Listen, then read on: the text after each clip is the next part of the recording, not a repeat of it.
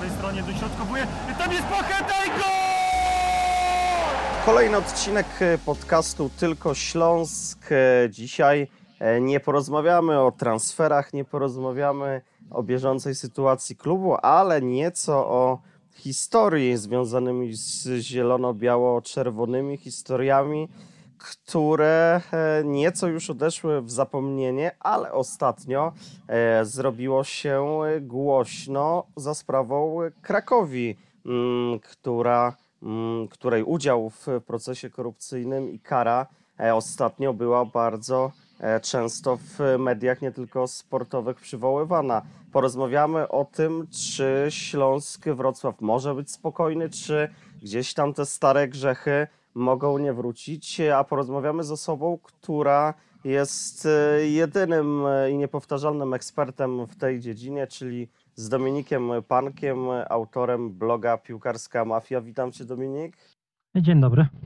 E, Dominik, no to może, może na wstępie powiedzmy, jak to wygląda z tą korupcją? Ile klubów już w ogóle zostało ukaranych? Bo, bo gdzieś tam te liczby cały czas się zmieniają. Ile klubów, ile ludzi? E, Gdzieś tam te cyferki masz e, w głowie? Jesteś w stanie nam przybliżyć? Oj, no to będzie ciężko, chociaż oczywiście szacunkowo to wszystko pamiętam. Wydaje mi się, że zacznę może od tego, że na, e, w przypadku tego, akurat tej naszej rozmowy możemy powiedzieć, że ten podcast mógłby się nazywać nie tylko Śląsk, a nie tylko Śląsk, dlatego że tych klubów, które były zamieszane w korupcję w przeszłości jest ponad 80. Tyle nazw klubów z pierwszej, drugiej, trzeciej i czwartej ligi. Mówimy o, o starym nazewnictwie, dlatego że to były lata 2003-2004 do 2006 e, znalazło się w materiałach e, prokuratury. Łącznie zarzuty postawiono ponad 500 osobom. Prawie 500 zostało już skazanych. E, W tym śledztwie w procesach zapadło kilkanaście wyroków uniewinniających, więc te osoby okazały się niewinne, a przynajmniej nie znaleziono dowodów na to, że, że uczestniczyły w tym niechlubnym procederze.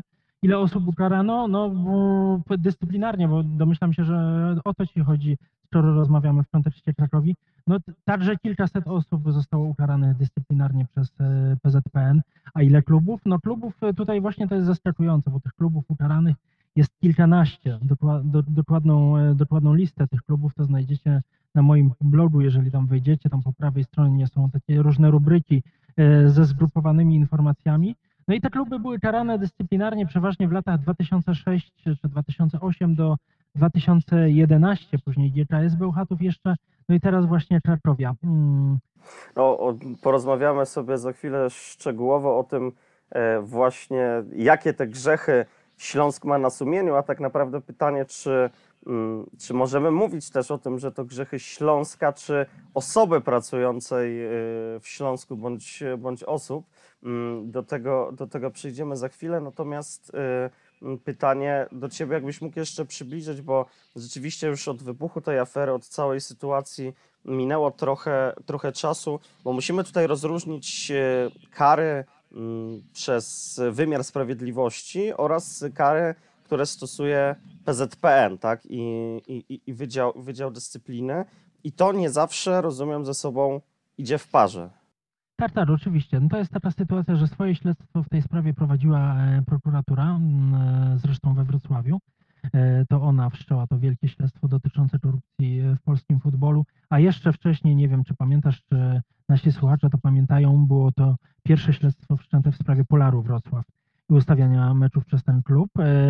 No i to śledztwo toczyło się jakby swoim torem. Prokuratorzy stawiali zarzuty, kierowali akty oskarżenia do sądu, a sądy później karały lub uniewinniały tych oskarżonych. Natomiast no jakby odrębnie e, tymi sprawami, chociaż oczywiście w połączeniu z materiałami zbieranymi przez prokuraturę, działał PZPN. W PZPN jest taki człowiek, który nazywa się rzecznikiem dyscyplinarnym PZPN, który jest takim prokuratorem związkowym i który e, wszczynał postępowania dyscyplinarne. On kierował do ówczesnego na początku Wydziału Dyscyplinarnego, a teraz to się nazywa Komisja Dyscyplinarna, e, wnioski o ukaranie.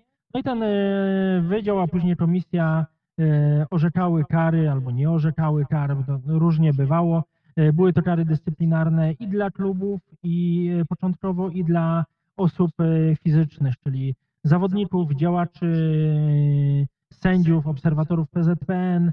No i to były kary bardzo różne, od kar e, zawieszenia w, e, zawieszenia w działalności, aż po wyrzucenie po prostu ze struktur związkowych, czyli taka osoba nie mogła już wrócić e, do działalności sportowej. No były też kary e, dyscyplinarne bez zawieszenia. E, Najczęściej orzekano je wobec e, sędziów i e, obserwatorów PZPN. E, Były to nawet dziesięcioletnie zakazy działalności w strukturach sportowych. No i możemy płynnie przejść do, do wątków Śląska, Śląska Wrocław, które pojawiały się w tym śledztwie no, trwającym latami i, i rozbitym na, na kilka, czy nawet nie wiem, czy nie na kilkanaście procesów osobnych. No, mm, szanowny panie, tych y, procesów to było co najmniej kilkadziesiąt, jeżeli nie koło setki. Możemy o tym porozmawiać, ale myślę, że to by pokomplikowało zupełnie sprawę. Tak, zostańmy, zostańmy przy Śląsku i mm, zeznaniach e, jednych, jednej z osób, która e, no, wskazywała, że e, gdzieś tam w ten proceder e, wojskowy, wrocławski klub sportowy już wtedy e, był e, zaangażowany w sezonie 99-2000, gdy e, Śląsk walczył o awans do e, ekstraklasy, do pierwszej ligi, o powrót. E, No i wtedy miał wspólnie z GKS-em Katowice e, działać tak, żeby oba te kluby e, tą promocję uzyskały. E, GKS Katowice e, miał e, zajmować się chyba sędziami, No tak, to miało być tak, że przynajmniej wynika. e, Mówimy tutaj o zeznaniach e, pana Piotra D., byłego, e, byłego mm, e, prezesa GKS-u Katowice. No i co najważniejsze, syna byłego barona śląskiego futbolu Mariana D., e, który jakby zajmował, miał się zajmować wtedy tym procederem e, ustawiania meczów we współpracy z e, działaczami Śląska. Wtedy zarówno Śląski i GKS, tak jak mówiłeś, e, walczyły o awans do pierwszej ligi. No i mm, było tak, że kluby miały załatwiać swoje mecze e, we własnym zakresie, natomiast e, zrzucać się finansowo na opłacenie sędziów i zawodników drużyn grających z Górnikiem Łęczna. Górnik Łęczna to, to była ta trzecia drużyna, która wówczas walczyła o awans do pierwszej ligi. No i to było tak, że jeżeli Śląsk nie miał do czegoś dojścia, wtedy pomagał GKS, który przez e, e, dłoń mis e, Mariana D. miał wielką wiedzę i wielkie kontakty w tym świecie. No i tak też to nie wiem, czy można powiedzieć, że ta współpraca zakończyła się sukcesem, no ale rzeczywiście i Śląsk i, i, i Katowice awansowały do pierwszej ligi. Tam były dosyć wysokie kwoty tych e, łapówek, które, mm, które były przekazywane zarówno piłkarzom, jak i e, sędziom. To była nawet kwoty 150 tysięcy złotych, to było tak w przypadku. tak i to jeszcze w dawnych czasach, bo to, Tak. to, to, tak, tak, mówimy o roku 99-2000, prawda, 20 lat temu. Więc no to, to, to też inna wartość była pieniędzy. No i to było tak, że czasami e, te kluby miały ustawiać, e, miały opłacać i piłkarzy, i sędziów, i w ten sposób to, żeby uzyskać pewną skuteczność tego, że uda się e, osiągnąć zamierzony cel, czyli zwycięstwo albo, mm, no, albo przynajmniej remis. Ważne jest też, że nie tylko chodziło o rywali i o sędziów meczów GKS-u czy Śląska Wrocław, ale także starano się zrobić wszystko, żeby to Górnik Łęczna nie wygrywał, żeby on nie zdobywał punktów. No i właśnie tak było w przypadku meczu Górnika Łęczna z Siarką Tarnobrzeg, kiedy podobno poszło 150 tysięcy na to, żeby Siarka wywiozła e, dobry wynik z tego, z tego meczu. Co ciekawe, w tym meczu Siarka przegrywała do, do, do połowy 2-0. No i dosyć du, duża nerwowość była e, w środowisku e, drużyn, które rywalizowały z Łęczną. No ale po zmianach e, w przerwie udało, udało się uzyskać Siarce remis. No i te pieniądze podobno ją poszły do i zawodników, i, i do sędziego. Natomiast e, też musimy, musimy tutaj nadmienić, że jakby to jest zeznanie tylko jednej osoby, nie odbył się żaden proces, nie zostało to skonfrontowane i jakby opieramy się tylko na, mm, na zeznaniach e, Piotra D. Tak, tak, oczywiście to procesowo nie zostało zweryfikowane, dlatego że dotyczyło wydarzeń sprzed 2003 roku. No natomiast no, musimy powiedzieć, że Piotr D. No, to jest osoba e, w oczach prokuratury mega wiarygodna, dlatego że to on się zgłosił, to on ujawnił wszystkie informacje, które pozwoliły rozbić e, to środowisko przestępcze działające e, w polskim futbolu, więc no myślę, że jeżeli jakieś nieprawdziwe informacje pojawiły się w jego zeznaniach, to raczej wynikały one z niepamięci niż z jakiejś próby, e, próby przedstawienia nieprawdziwych wydarzeń. No i po awansie Śląska do Ekstraklasy, gdy, gdy już gdzieś tam Śląsk się w ten proceder e, włączył i zaznajomił z jego realiami, no według e, zeznań już e, kilku, kilku osób ten proceder nadal był kontynuowany. Tam chociażby było wskazywanie, że już Śląsk będący w Ekstraklasie zabierał na, na zgrupowanie zagraniczne jednego z sędziów i opłacał ten pobyt, a sędzia ten był arbitrem meczów sparingowych rozgrywanych e, przez, e, przez Śląsk. To taki jeden, jeden z przykładów, jeśli dobrze pamiętam. No tak, no to był sędzia Zbigniew M. Zresztą on sam e, w prokuraturze przyznał, że zimą 2001 roku wyjechał na obóz z drużyną Śląska do Turcji. No i tam e, ten pobyt miał być e, częściowo sfinansowany przez Śląsk Wrocław. No między innymi, między innymi miał, miał dostawać pieniądze, czy miał dostawać pieniądze za mecze, które prowadził właśnie sparingowe Śląska. To jest ciekawa historia, że on się tak tłumaczył, że na ten wyjazd dostał zgodę PZPN-u, a tę informację e, o, o tej zgodzie PZPN-u dostał od e, ówczesnego trenera Śląska Wrocław. E, Tym trenerem e, Śląska był nieżyjący już e, bardzo znany niegdyś szkoleniowiec, e, który osiągał sukces na Igrzyskach Olimpijskich w Barcelonie. E, No ale czy rzeczywiście e, pan, pan Janusz Wójcik uzyskał tą zgodę PZPN-u, czy tylko tak powiedział panu Zbigniewowi M., E, Tego nie wiemy, nikt tego nie weryfikował, bo nie było podstaw. No a teraz też nie możemy zapytać z racji tego, że pan Janusz niestety już nie żyje. No i teraz możemy przejść już do, do tych sezonów, do tych zdarzeń, które zostały potwierdzone. Mm, Sąd się nimi zajął, były weryfikowane. No i tutaj w kontekście Śląska, tak jak już e, wcześniej wspomniałeś, e, trener Grzegorz K. był, był tą główną mm, osobą oskarżoną i skazaną. Natomiast były też osoby, do, co do których e, śledztwo zostało umorzone, tak? I tutaj mówimy o kierowniku Zbigniewie S. oraz e, Januszu J., czyli trenerze bramkarzy. Tak, no to mówimy o tych dwóch osobach. e, e, W akcie oskarżenia, który trafił do sądów e, pod koniec e, 2011 roku, pojawiło się także nazwisko e, pana Janusza J. E, To był wówczas trener bramkarzy Śląska. I prokurator, e, prokurator e, przesyłając do sądu akt oskarżenia, wysłał także wniosek o warunkowe umorzenie postępowania wobec Janusza J. E, Żeby to wyjaśnić, warunkowe umorzenie postępowania e, to jest e, wniosek, e, który jest składany wtedy, kiedy prokurator postawił zarzut danej osobie, ma poczucie, że ta osoba jest winna e, e, temu zdarzeniu czy temu czynowi, które, które mu zarzuca, ale uważa, że nie ma potrzeby, żeby go karać. Czyli to można powiedzieć, że jest to występek, za który nie trzeba ukarać e, danej osoby. No i w tym przypadku rzeczywiście taki wniosek trafił do sądu. Sąd zaakceptował wniosek prokuratora i pan Janusz musiał zapłacić bodajże 4000 zł grzywny na cele społeczne e, i e, temat e, tej osoby jakby zakończył się.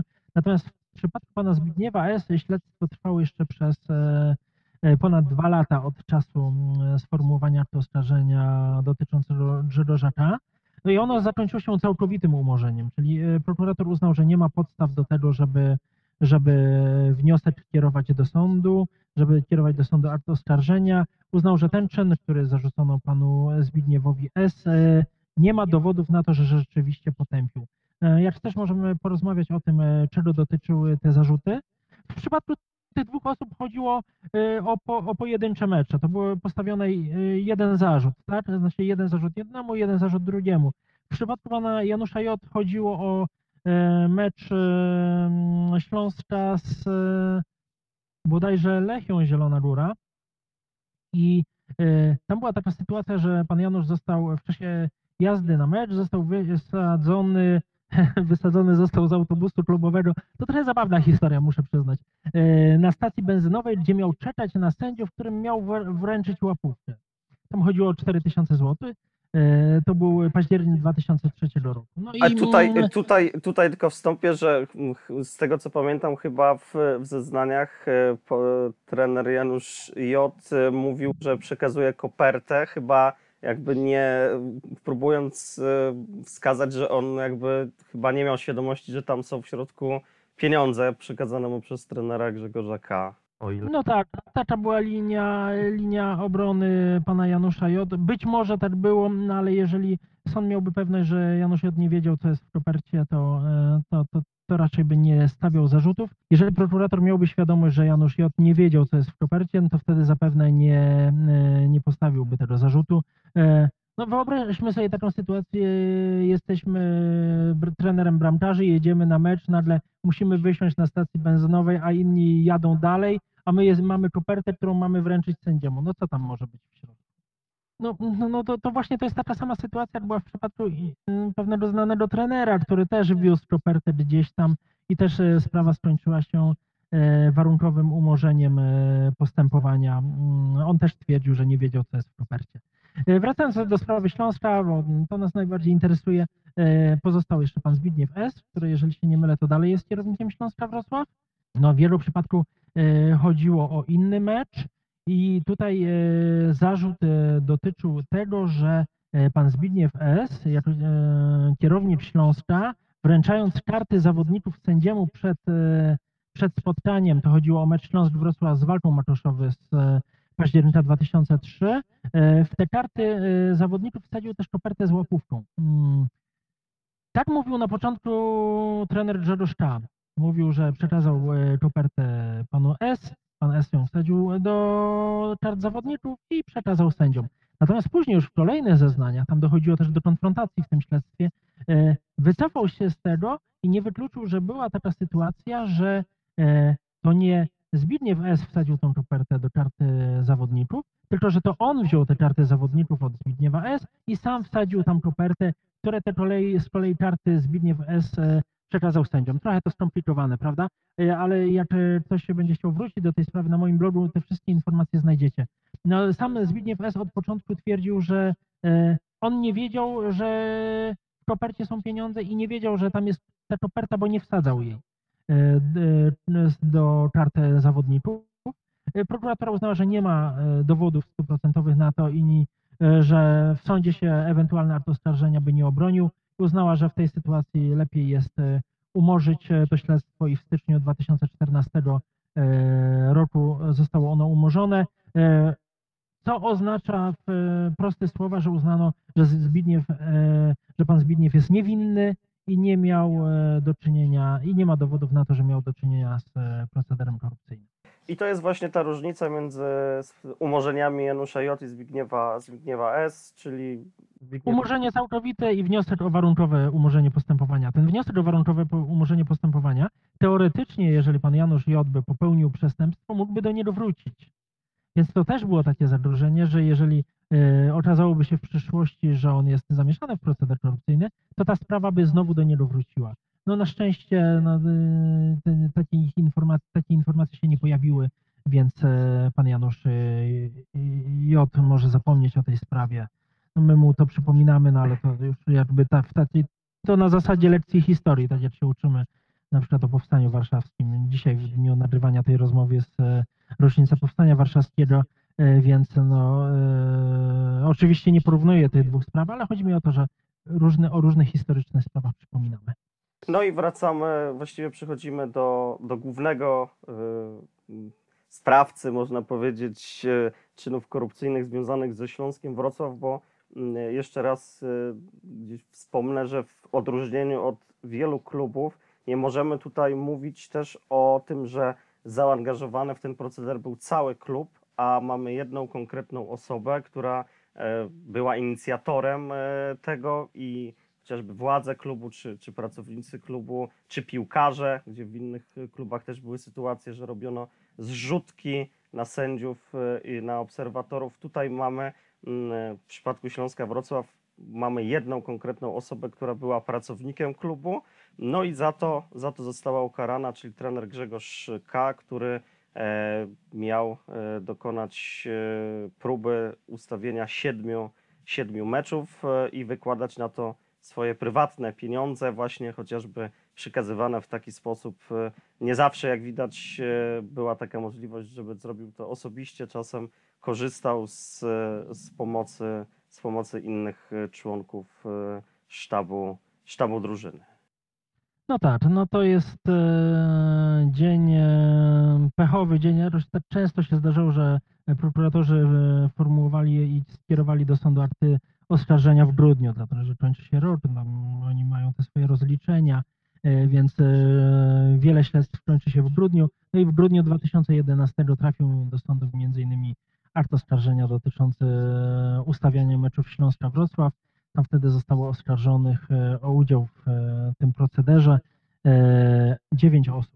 To był Grzegorz który był trenerem Śląska Wrocław e, wówczas, no i byli sędziowie mm, z różnych e, części Polski, które miały postawione zarzuty mm, przyjmowania łapówek e, od Grzegorza K. E, Zarzuty jeszcze, dotyczą... Mhm. Jeszcze może, może ci wyjdę słowo, mówimy tutaj też e, podobnie, tak historia, można powiedzieć, nie zatoczyła koło, ale lubi się powtarzać, bo tutaj również Grzegorz K. próbował wpłynąć na wyniki e, swojego rywala, czyli tak jak wcześniej mówiliśmy, Górnik Łęczna chciał awansować, awansował e, wcześniej Śląsk GKS-em Katowice, tak teraz miejsce do awansu było jedno, chciał awansować Śląsk i Zagłębie Sosnowiec z trzeciej ligi do drugiej, no i Grzegorz K. też próbował wpłynąć na wyniki meczów e, swojego bezpośredniego rywala.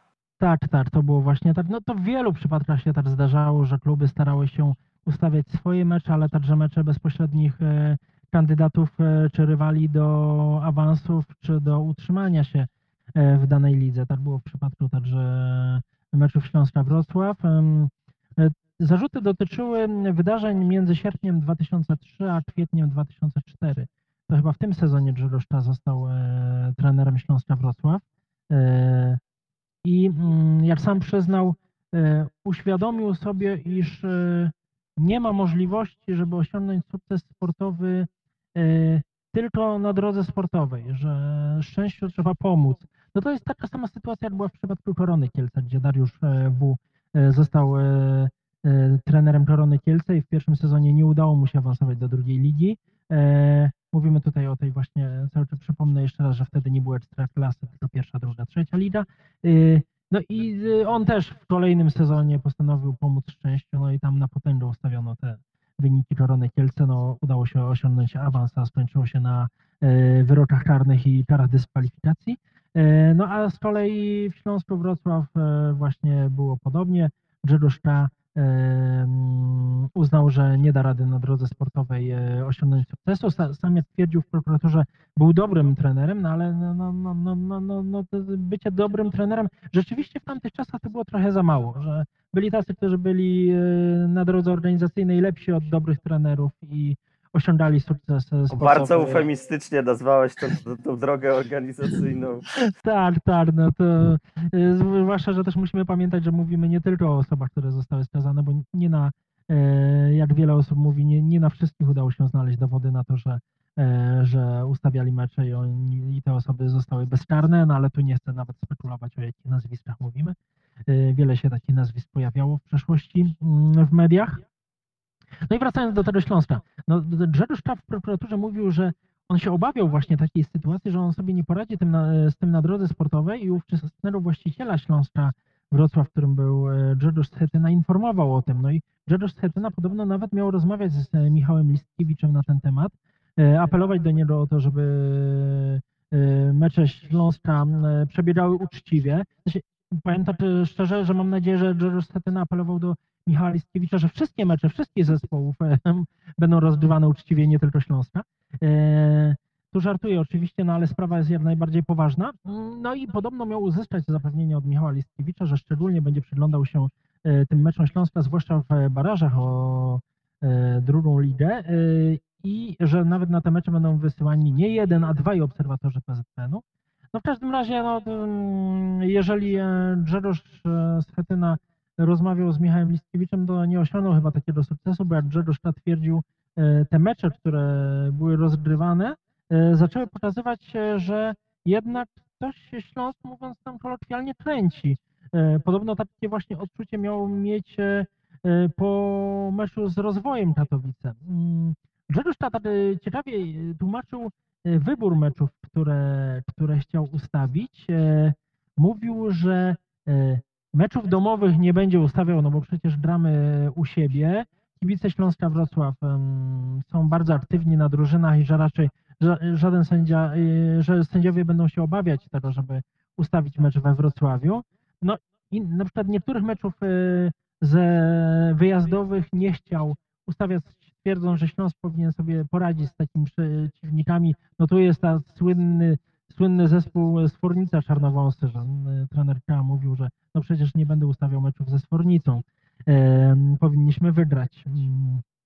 No i tych meczów łącznie e, dowody prokuratura znalazła na mm, 7 meczów, chociaż w akcie oskarżenia pojawia się 9 meczów, ale to są innych klubów, które przy okazji e, zarzuty postawiono tym sędziom, którzy byli oskarżeni w tej sprawie. Ale to już nie, nie, nie będę wchodził tutaj w szczegóły.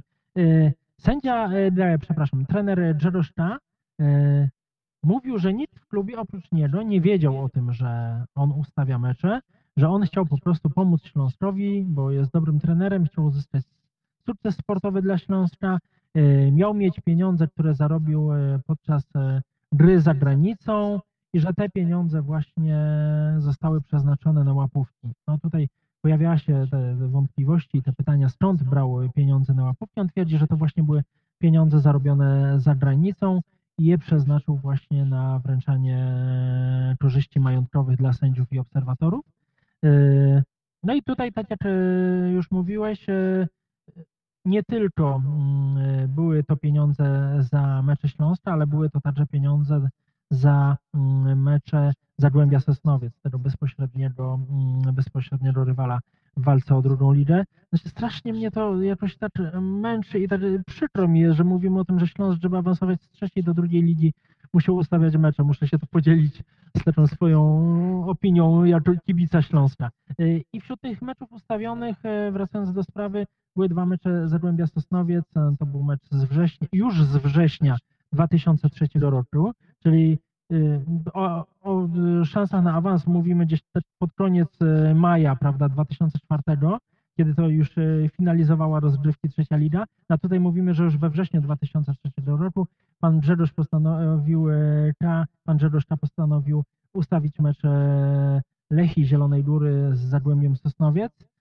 I drugi mecz Zagłębia Sosnowiec to był w listopadzie 2003 roku. To chodziło o mecz Chrobrego Głodów e, z Zagłębiem Sosnowiec. Zresztą ten pierwszy mecz zakończył się wynikiem 2-2, e, wynikiem remisowym. Drugi zakończył się zwycięstwem Zagłębia Sosnowiec.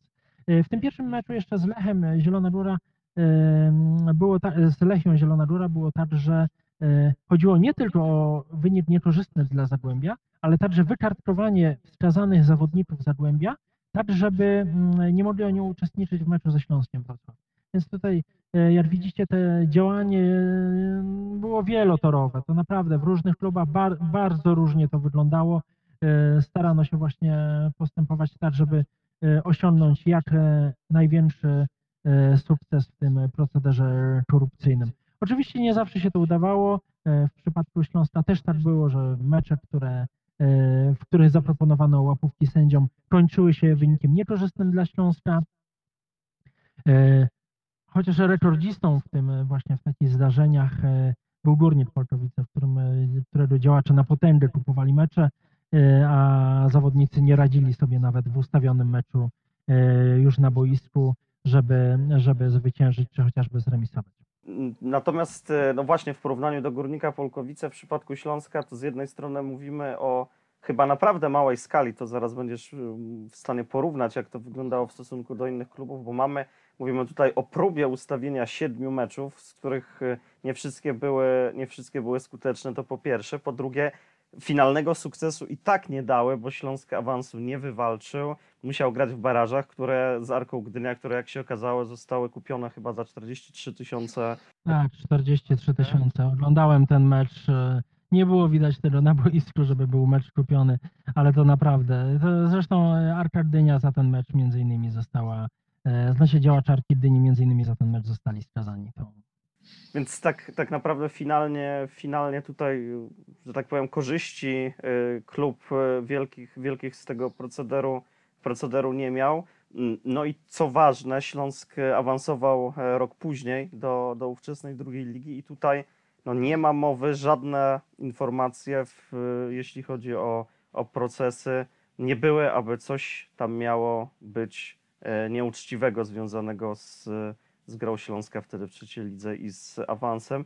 I myślę, że gdzieś tam to, to jest taki promyczek nadziei, taki troszkę złagodzenie tego, te, tej całej sytuacji, że jednak e, ten, ten udział Śląska, w, czy też osoby pracującej w Śląsku mimo wszystko był naprawdę znikomy. Mm, No i też wielkiej korzyści klubowi nie przyniósł e, w porównaniu chociażby do tego, co się działo, co się działo w innych klubach, jak chociażby ta Krakowia, o której wspominaliśmy na, na samym początku. Znaczy Kraczowia to jest właśnie tutaj też, też nie jest najlepszym przykładem do tego, żeby mówić o Kraczowi, że Kraczowia e, jest takim klubem oczywistym do skazania. To, to, to na pewno wszyscy śledzicie te informacje, które pojawiają się na temat Kraczowi, że pytania, czy powinien zostać ukarany za dwa mecze, dlatego że w dwa mecze był e, zaangażowany były członek Rady Nadzorczej Kraczowi, czy za 19, za które e, bądź za- za 19 meczów e, Kraczowi sąd skazał obu oskarżonych, ta druga osoba nie była formalnie związana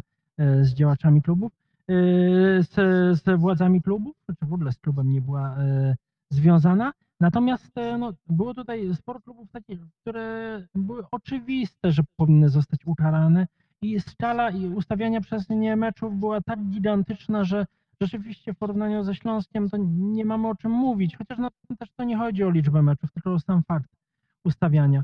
E, No, jest taka u mnie lista meczów, które e, kluby ustawiły lub próbowały ustawić. E, No tutaj rekordzistą jest Arka Gdynia, która 40 meczów miała ustawiać, później Górnik Polczowice e, 38, e, no ale są też kluby, które ustawiały po kilkadziesiąt meczów, ale nie poniosły konsekwencji dyscyplinarnej, bo do tego zmierzam, ze względu na zmiany, mm, na zmiany w klubie, że zmieniał się właściciel, zmieniał się podmiot, klub przestał istnieć, ktoś przejmował. Każdy z kibiców tych klubów ma różne wytłumaczenia na te, e, na te, na te sytuacje. No i tak właśnie taki Kujawiak Włocławek. 38 meczów ustawionych lub próbowano ustawić bez kary dyscyplinarnej. Pogoń Szczecin także 38, też bez kary. Motor Lublin 34, także bez kary. No także jak widzicie, Kmita Zabierzów 27 meczów. No to, to, to, to, to często się kończyło tak, że e, te kluby nie zostały ukarane e, właśnie z tego powodu, że, e, że jako podmiot, który ustawiał, przestały istnieć z różnych względów, no ale też jest przykład kuriozalny Lecha Poznań, który, który występuje na licencji Amiki Wronki, no więc no, mm, nie ukarano go z tego powodu. Lech mm, Poznań na koncie miał mieć e, 13 ustawionych meczów. Tych e, jeszcze nie ma prawomocnych e, wyroków w sprawie Piotra R., więc no jeszcze, jeszcze nie mówimy, że na 100% tak było, no ale była już e, jedna osoba, były piłkarz Lecha Poznań, który został skazany za to prawomocnie, więc można uznać, że rzeczywiście e, mecze tego klubu były ustawiane. No i powiem Ci tak, nie ma pocieszenia żadnego, że nie osiągnęliśmy sukcesu sportowego, że tych meczów było mało, e, że inne kluby także ustawiały, że nasz bezpośredni rywal także ustawiał, że, e, że nie mogliśmy sobie poradzić na drodze sportowej. E, Patrząc na daty tych ustawianych meczów Śląska, to wskazuje, że ten proceder ustawiania meczów w tym sezonie 2003-2004 zaczął się od razu. Zaczął się natychmiast. Nie, trener nie dał szansy sprawdzenia, czy uczciwie e, będziemy sobie radzić, dlatego że pierwszy mecz został e, ustawiony 23 sierpnia 2003 roku. To, to która to była kolejka? Pierwsza, druga, może trzecia? Trzeba by było to sprawdzić. Ale to nie było tak, że e, po e, pierwszej rundzie, po pierwszej rundzie zaczęliśmy ustawiać mecze, Śląsk zaczął ustawiać mecze dlatego, że, że nie mógł sobie poradzić. Te mecze ustawiano już od początku. No i to też, też właśnie źle e, wpływa na mój ogląd tej e, sytuacji. Po drugie, no jeszcze jedna rzecz haniebna, naprawdę bardzo haniebna, za którą się wstydzę i po prostu nie wyobrażam sobie takiej sytuacji, że mogło coś takiego nastąpić, że K. został, y, został y, ponownie zatru- zatrudniony na stanowisku trenera Śląska Wrocław po latach, po wyroku skazującym, po karze dyscyplinarnej. Jak można było zatrudnić człowieka jako trenera Śląska Wrocław e, w Ekstraklasie, człowieka, który nie, mógł sobie poradzić w uczciwy sposób w awansie z trzeciej do drugiej ligi? No, no, no, no, No minęło, minęło już sporo czasu od tamtej. Sprawdziłem, to była trzecia kolejka. y, Rzeczywiście mhm. y, ten mecz z Chrobrym. Tak, 2 do 0 wygrany przez Śląsk. prawda? Natomiast y, też jeszcze pytanie y, a propos Grzegorza K., bo wydaje mi się, że ten wyrok uległ zatarciu. To jest też takie prawnicze sformułowanie po, po pewnym czasie, czyli jakby zostało uznane. Na, na ten moment Grzegorz K. nie figuruje jako osoba skazana, o ile się nie mylę. Tak, tak, oczywiście. No na ten moment y, o Grzegorzu K., jeżeli ten wyrok się już zatarł, to mówimy jako oso- o osobie niekaranej.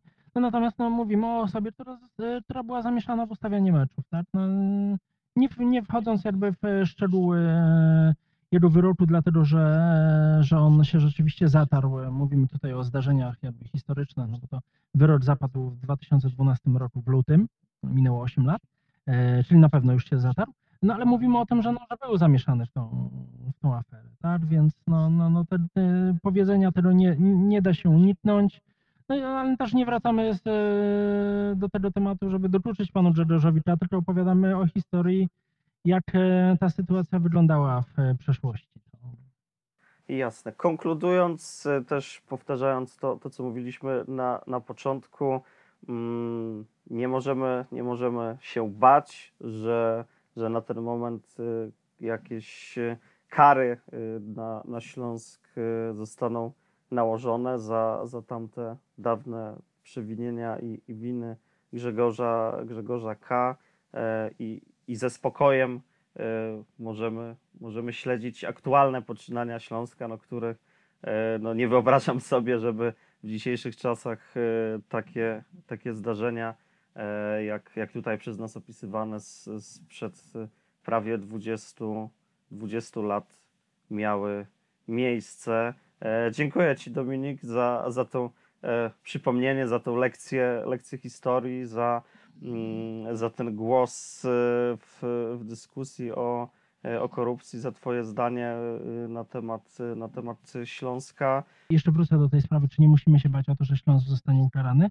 No, mam nadzieję, że nie, dlatego że wydaje się, że sprawa została już jakby mm, zakończona przed wieloma laty. No ale e, patrząc na to, jak e, pracuje PZPN, jakie rzeczy tam się wyczyniają, ja nie wiem, czy ktoś na przykład nie przypomni sobie o Śląsku Wrocław i e, nie pomyśli, że trzeba było sprawdzić, czy formalnie postępowanie w, w sprawie tego klubu zostało wszczęte, a jeżeli zostało wszczęte, to jak zostało zakończone i czy jakieś orzeczenie Komisji Dyscyplinarnej zapadło, czy nagle ktoś sobie przypomni, że, e, że, że ta sprawa jeszcze, e, mówiąc w cudzysłowie, wisi. E, No bo tak jest w przypadku Polaru Wrocław, no, to też wrocławski klub, więc warto o nim wspomnieć. No, wobec niego e, toczyło się postępowanie dyscyplinarne po wszczęciu tego śledztwa w 2004 roku. No i ono zostało zawieszone, ale z tego co wiem nie zostało odwieszone.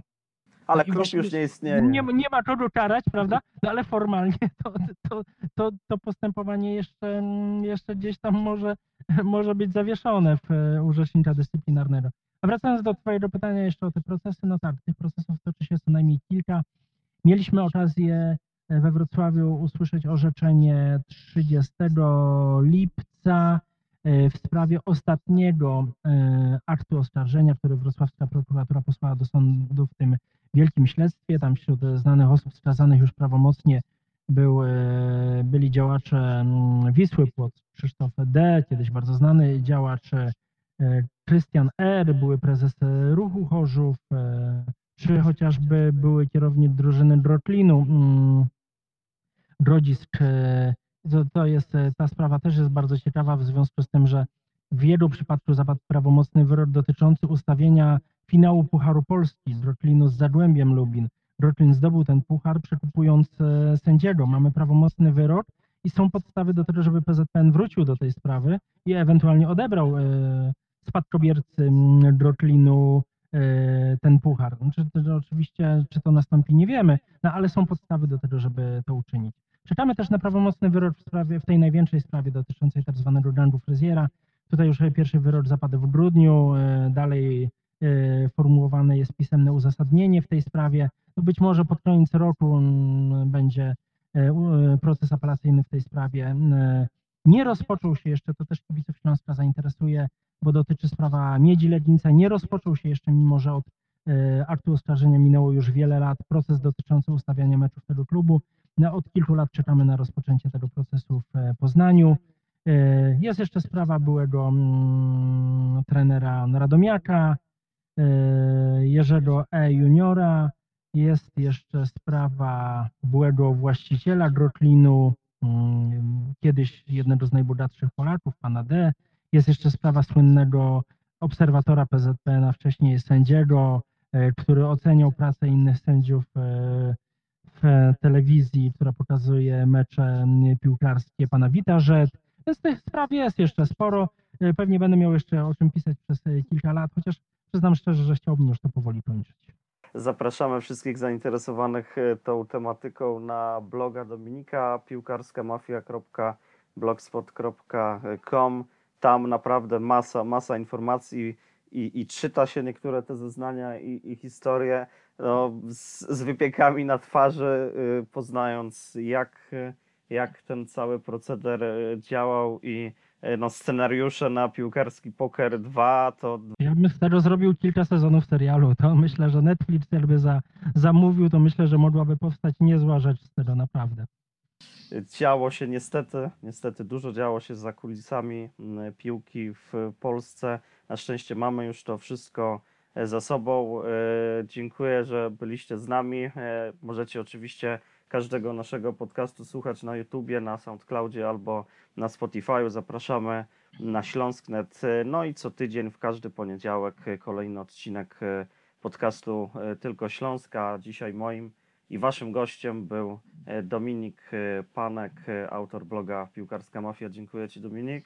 Ja także dziękuję bardzo i po dawce tych wszystkich wydarzeń historycznych to życzę kibicom Śląska przede wszystkim emocji tylko sportowych. Bardzo się ucieszyłem, że do naszego klubu wraca Waldek Sobota. To wspaniała rzecz. Cieszę się, że z St. Pauli właśnie wrócił do Wrocławia. To dwa moje ulubione kluby, więc mam nadzieję, że ten sezon, nowy sezon zakończy się do nas, dla nas sukcesem sportowym. Oby tak było, odpuka, odpukujemy w niemalowane. Do zobaczenia, do usłyszenia. Hej Śląsk! Na prawej stronie dośrodkowuje. I tam jest Pachetej, gol!